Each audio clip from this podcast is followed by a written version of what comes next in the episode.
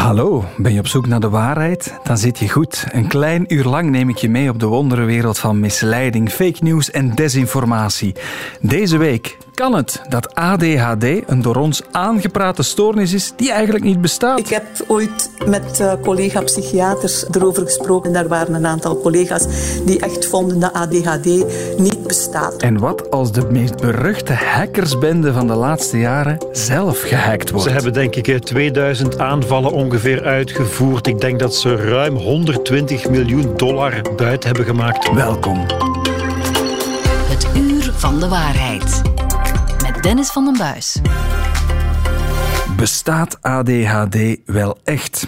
Soms lees je dingen. Mijn huisgenoot kwam bijvoorbeeld met een verhaal, mijn partner, mijn vrouw, die zei: Ik ben een boek aan het lezen, het gaat over deconnectie. En daarin beweert de auteur dat in een land als Finland ADHD eigenlijk amper voorkomt. De kinderen kunnen daar buiten spelen, die energie is kwijt. Terwijl in Amerika zijn er heel veel diagnoses. Wat meten we eigenlijk? Gedrag van kinderen, socioculturele dingen of iets genetisch. En die ene auteur is niet de enige. Ook neuroloog Richard Saul die beweert ADHD bestaat eigenlijk niet.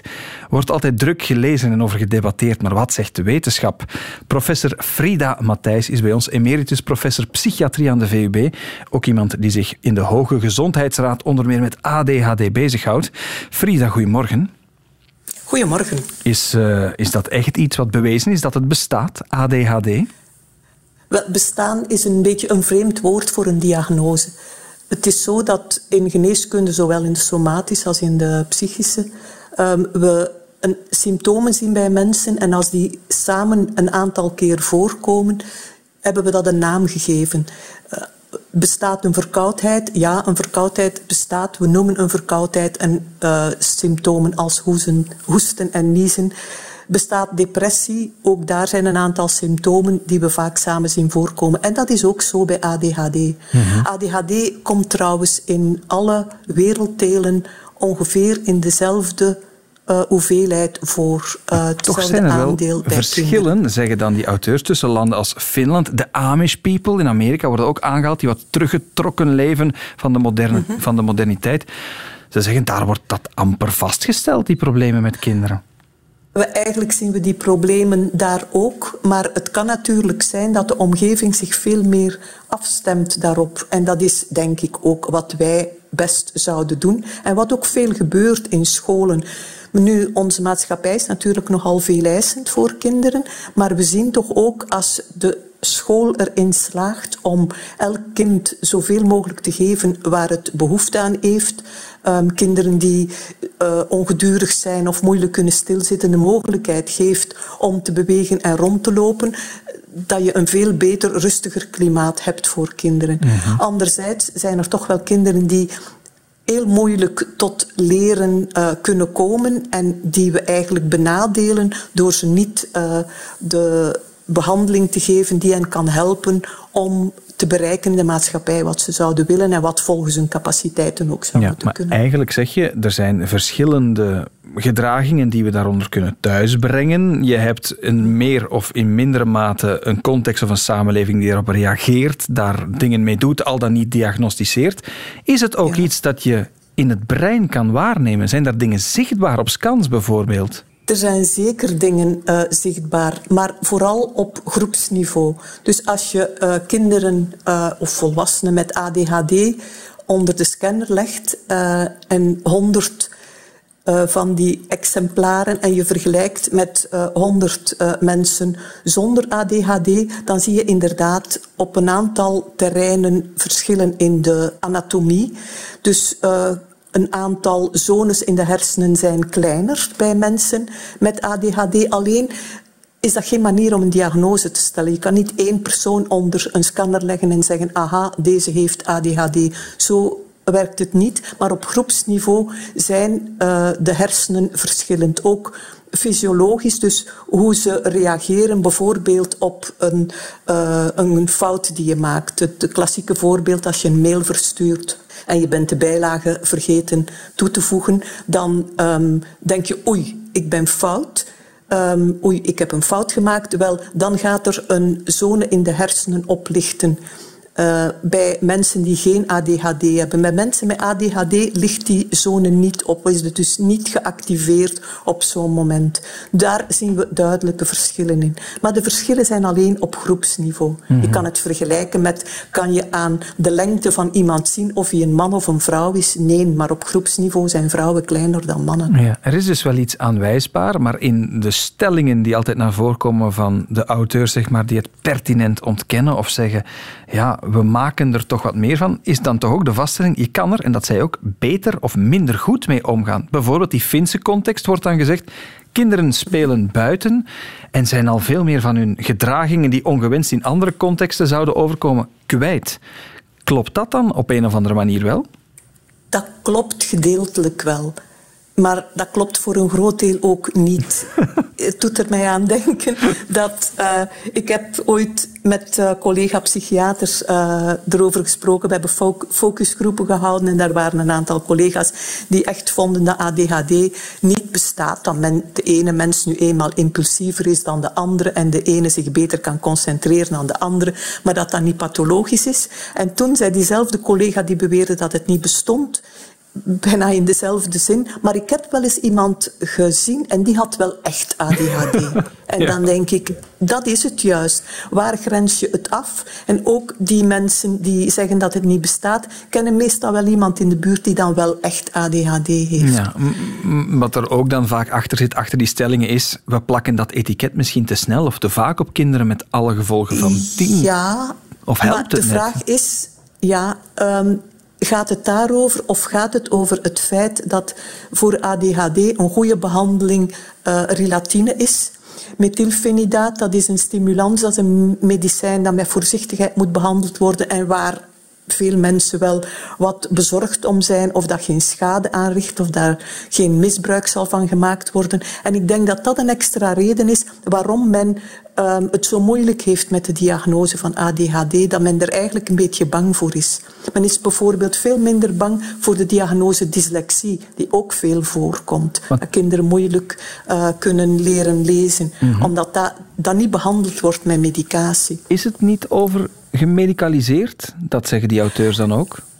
Wel, als je kijkt wat um, de prevalentie is, het voorkomen van ADHD bij kinderen, wat toch ongeveer 6% is. En als je ziet dat um, de methylfenidaat, dus de relatine, voorgeschreven wordt bij gemiddeld 2,5%, um, denk ik niet dat er overgemediceerd wordt, wat niet betekent dat dat in sommige gevallen wel kan gebeuren. Mm -hmm. Wat je ik ook wel hoort, ik probeer nog eens, ja. Frida, vroeger bestond dat allemaal niet. Wanneer is dat eigenlijk wel beginnen bestaan? Wanneer is die, die benaming ontstaan? Is dat onderzocht geworden? Waar zitten we dan eigenlijk in de medische geschiedenis? God, de, het is eigenlijk um, ontstaan, um, of de eerste beschrijving, maar dat was een ander soort beschrijving, was uh, tussen de, uh, of tijdens rond de periode van de Eerste Wereldoorlog. Toen waren er kinderen die een encefalitis, een hersenontsteking hadden doorgemaakt en nadien ongedurig waren, zich niet konden concentreren. Dus die symptomen vertoonden. Maar toen zag men dat er ook kinderen waren die dat gedrag vertoonden zonder dat ze een hersenontsteking hadden doorgemaakt. En dan sprak men van minimal brain damage, dus een, lichte hersenaantasting. Stilaan is dat meer ontwikkeld, um, is men er beter gaan naar kijken. Maar een heel belangrijk punt in de geschiedenis daarvan is uh, in de jaren dertig geweest in een uh, tehuis in Amerika waar gedragsgestoorde kinderen uh, opgenomen werden. En men deed daar nogal wat medische proeven over. Het is eigenlijk allemaal akelig en zou ja, nu absoluut niet meer kunnen.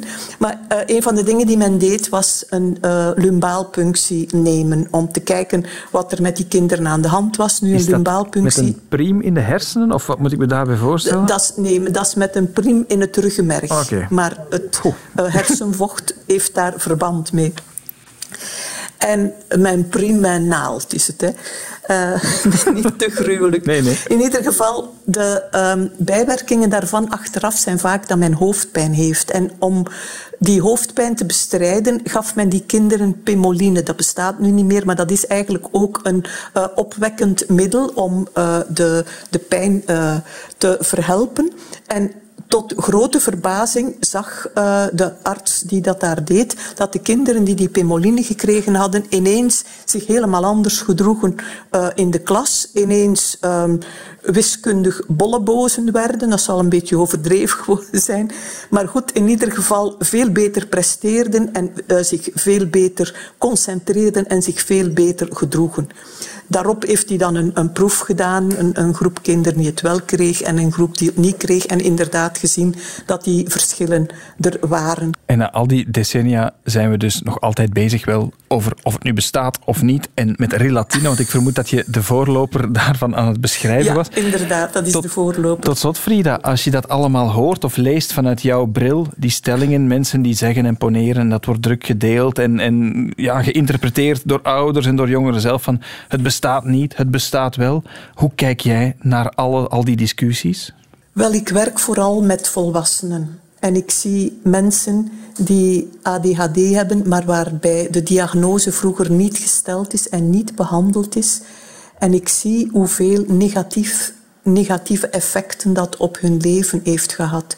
Dat zijn mensen die vaker uh, verslavingsproblemen hebben, die vaak het, hun diploma niet behalen, werk moeten doen dat onder hun uh, intellectuele mogelijkheden uh, Dus mensen die op allerlei vlakken eigenlijk dysfunctioneren. En als die nu de diagnose van ADHD krijgen, zijn die vaak verdrietig en boos dat die diagnose niet vroeger gesteld is, omdat ze zien het had heel anders kunnen lopen als ik toen die behandeling had gekregen. En ik wil daar toch bij zeggen, behandeling betekent niet per definitie medicatie.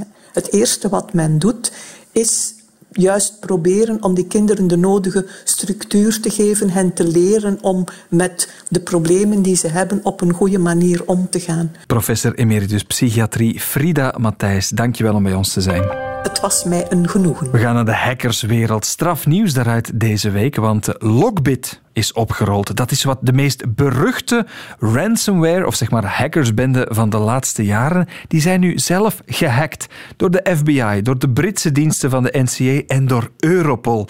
Dat zijn ook dezelfde mensen, hackers, die achter de hacking van de stad Gerardsbergen bijvoorbeeld zaten. Maar wat betekent dat allemaal? Tim Verheijden, goedemorgen. Dag Dennis. Is dit een, een, een gamechanger? Want ze, ze worden echt heel berucht genoemd, hè, die Logbit-mensen. Ze zijn berucht. Ze hebben denk ik 2000 aanvallen ongeveer uitgevoerd. Ik denk dat ze ruim 120 miljoen dollar buiten hebben gemaakt de voorbije vijf jaar. Ze zijn verantwoordelijk voor één op de vier aanvallen in 2023 die er geweest zijn. Dus het woord berucht mag je inderdaad wel gebruiken. We vergeten vaak, maar het zijn criminelen die eigenlijk een frontale aanval uitvoeren op bedrijven, op overheden en die systemen volledig onderuit halen. Is het nu een gamechanger? Dat is de grote vraag. Het is in elk geval goed nieuws dat dit gebeurt, dat duidelijk wordt en dat die politiediensten inderdaad duidelijk kunnen maken dat ook die hackers gepakt kunnen worden, gevat kunnen worden, dat ze hun systemen ook kunnen platleggen. Is het een gamechanger? Dat is een beetje de vraag, omdat wat je vaak ziet gebeuren natuurlijk is dat die bendes worden opgerold, maar dan vrij snel terug opduiken. Mm -hmm. Het goede nieuws is wel dat ja, het gaat om ransomware. Wat wil dat zeggen? Dat is een manier van bedrijven gijzelen. Je versleutelt de systemen en je vraagt losgeld. Is wat die uh, hackers deden. Maar tegelijkertijd is ransomware ook een software natuurlijk waarmee dat gebeurt. Het goede nieuws is dat de politiediensten zo'n duizend sleutels in handen hebben op dit moment om bepaalde ja, gijzelingssoftware, gijzelingen die er geweest zijn of aan de gang zijn, om die ongedaan ja, te maken. Ja, en dat ze zicht krijgen op dat netwerk. Maar er zijn een aantal arrestaties gebeurd. De, het, het, hoofd van die bende, wiens identiteit op dit moment nog niet bekend is, die loopt nog blijkbaar rond en zou zich in Rusland bevinden. Dus is of die ooit gevat gaat worden, uitgeleverd worden, is natuurlijk een andere vraag. Maar het goede nieuws is, ze kunnen gepakt worden. Want ze zijn echt fysiek gearresteerd of is enkel het platform platgelegd? Allebei. Er zijn een aantal mensen gearresteerd in Oekraïne, in Polen die ermee te maken hebben, maar het platform is ook platgelegd. Hè. Hoe gaat dat dan als je zo, zo'n hackersbende hebben websites op het dark web? Hè. Dat, is een, een, dat bereik je via een speciale browser en je hebt een speciaal internetadres nodig en dan ben je op hun website en zo'n website die ziet er vaak niet fancy uit. Integendeel, je moet je dat voorstellen als ja, daar staan dan namen van slachtoffers, tegeltjes, um, met dan... Um, de, de, etalage ja, van de slachtoffers. De etalage, voilà op een saaie, oudbollige internetmanier. Ja, en daar staat er een aftelklokje bij. En als die slachtoffers niet betalen, dan wordt op een gegeven moment wordt de data die ze hebben buitgemaakt, worden dan vrijgegeven. Wat hebben die politiediensten nu gedaan? Die zijn daarin kunnen binnendringen, hè, door, omdat ze dus een gat in de veiligheid hadden gevonden, hè, zoals die hackers vaak ook te werk gaan. Ze zoeken gaten in systemen. En ze hebben eigenlijk zijn een beetje aan het trollen geslagen en aan het doxen geslagen. Doxen is als je gegevens van bepaalde mensen openbaar gaat maken. En ze hebben al die tegels vervangen door hun eigen persberichten, door hun eigen aanval, door hun eigen actie. Een aftelklokje naar de onthulling van het hoofd van Lockbit. Een beetje dus die, ze hackers eigenlijk... uitlachen. Ja, je mag eigenlijk wel zeggen dat daar toch een serieuze vette knipoog wordt gegeven. En dat we zitten in het feit dat inderdaad die politiediensten die hackers aan het trollen zijn en er echt mee aan het lachen zijn. Het is wel echt een doorbraak. Dat is nog nooit eerder gebeurd, dacht ik. Hè? Ja, er, er zijn al wel, uh, wel bendes opgerold, 2017, 2019. Maar dit mag je nu toch wel een doorbraak noemen, gezien het zo'n grote en beruchte bende is. Um, het is in, in, zeer geval, in elk geval een zeer welkome actie van de politiediensten, want het geeft slachtoffers natuurlijk ook hoop. En ze hebben sleutels in handen op dit moment, zoals ik al zei, om bepaalde gijzelingen ongedaan te maken. Maar de vraag is natuurlijk nu, um, wat gaat er gebeuren met die mensen die ook rond Lockbit hangen? Want ze hebben niet alleen ransomware, dus de techniek van het gijzelen van die systemen, de software, maar ze hebben ook ransomware as a service. Dat wil dus zeggen dat als je ook wat hacker bent, dan kon je ook beroep doen of samenwerken met de diensten van, uh, van Lockbit. Dus ze noemen het affiliates. En die zwerven natuurlijk nog altijd rond in de fysieke en in de internetwereld. En de politiediensten krijgen ook wel een zicht daarop wie dat eventueel zou kunnen zijn. Maar je mag er echt wel van uitgaan dat er nog altijd mensen aan de slag gaan gaan met de ransomware, met de software uh, van Lockbit. Brengt u nu ook nieuwe inzichten voor gedupeerden? Zoals er was een transportfirma bij ons, denk ik, Maldegem ook, uh, Gerardsbergen noemde ik al. Kunnen zij nu nieuwe stappen zetten of doen met wat er nu gebeurd is door de politie? Zij kunnen zich bijvoorbeeld burgerlijke partij stellen, zoals de gemeente Gerardsbergen heeft gedaan. Ik weet niet of daar iets van gaat komen natuurlijk, als er zo'n rechtszaak eventueel al dan niet van komt. Je kan op dit moment weinig doen, denk ik, omdat in vele gevallen is de schade al geleden. Als, je kijkt naar TVH, die hebben daar wekenlang plat gelegen, daar zijn geen inkomsten geweest. Dat is het logistieke alle, bedrijf. Alle, alle, het logistieke bedrijf, alle systemen lagen plat. Intussen is dat hersteld. Dus wat interessant is, is inderdaad misschien de gijzelingen die nu nog aan de gang zijn, dat daar sleutels voor zijn om die ongedaan te maken. Maar de politiediensten vraagt vooral als je ooit slachtoffer bent geweest of je bent het op dit moment, contacteer ons. We kunnen je misschien gaan helpen. Een grote doorbraak eh, op het dark web. Ransomware bende. Lockbit is helemaal opgerold. Toch tenminste de platformen en een aantal arrestaties gebeurd door politiediensten van verschillende landen samen. Tim Verheijden, dankjewel voor je uitleg. Graag gedaan. Het uur van de waarheid. De VRT Nieuwscheck. Het zijn zware tijden voor dissidente stemmen, maar toch is hij na een weekje afwezigheid hier geraakt. Onze chef factchecking van de VRT Nieuwsdienst, Luc van Baken. Luc, welkom terug.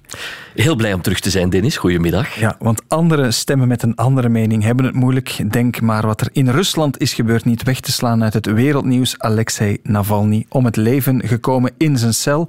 De dood van die Russische oppositieleider wereldnieuws, maar bij dat overlijden, Luc, ook heel wat geruchten die meteen de ronde zijn gaan doen. En je hebt een overzicht daarvan meegenomen. Ja, er gaan bijvoorbeeld heel veel verhalen rond over de mogelijke doodsoorzaak van de man. Maar ja, daar kunnen we eigenlijk momenteel niet zo heel veel over zeggen, want er is nog niet zo heel veel geweten.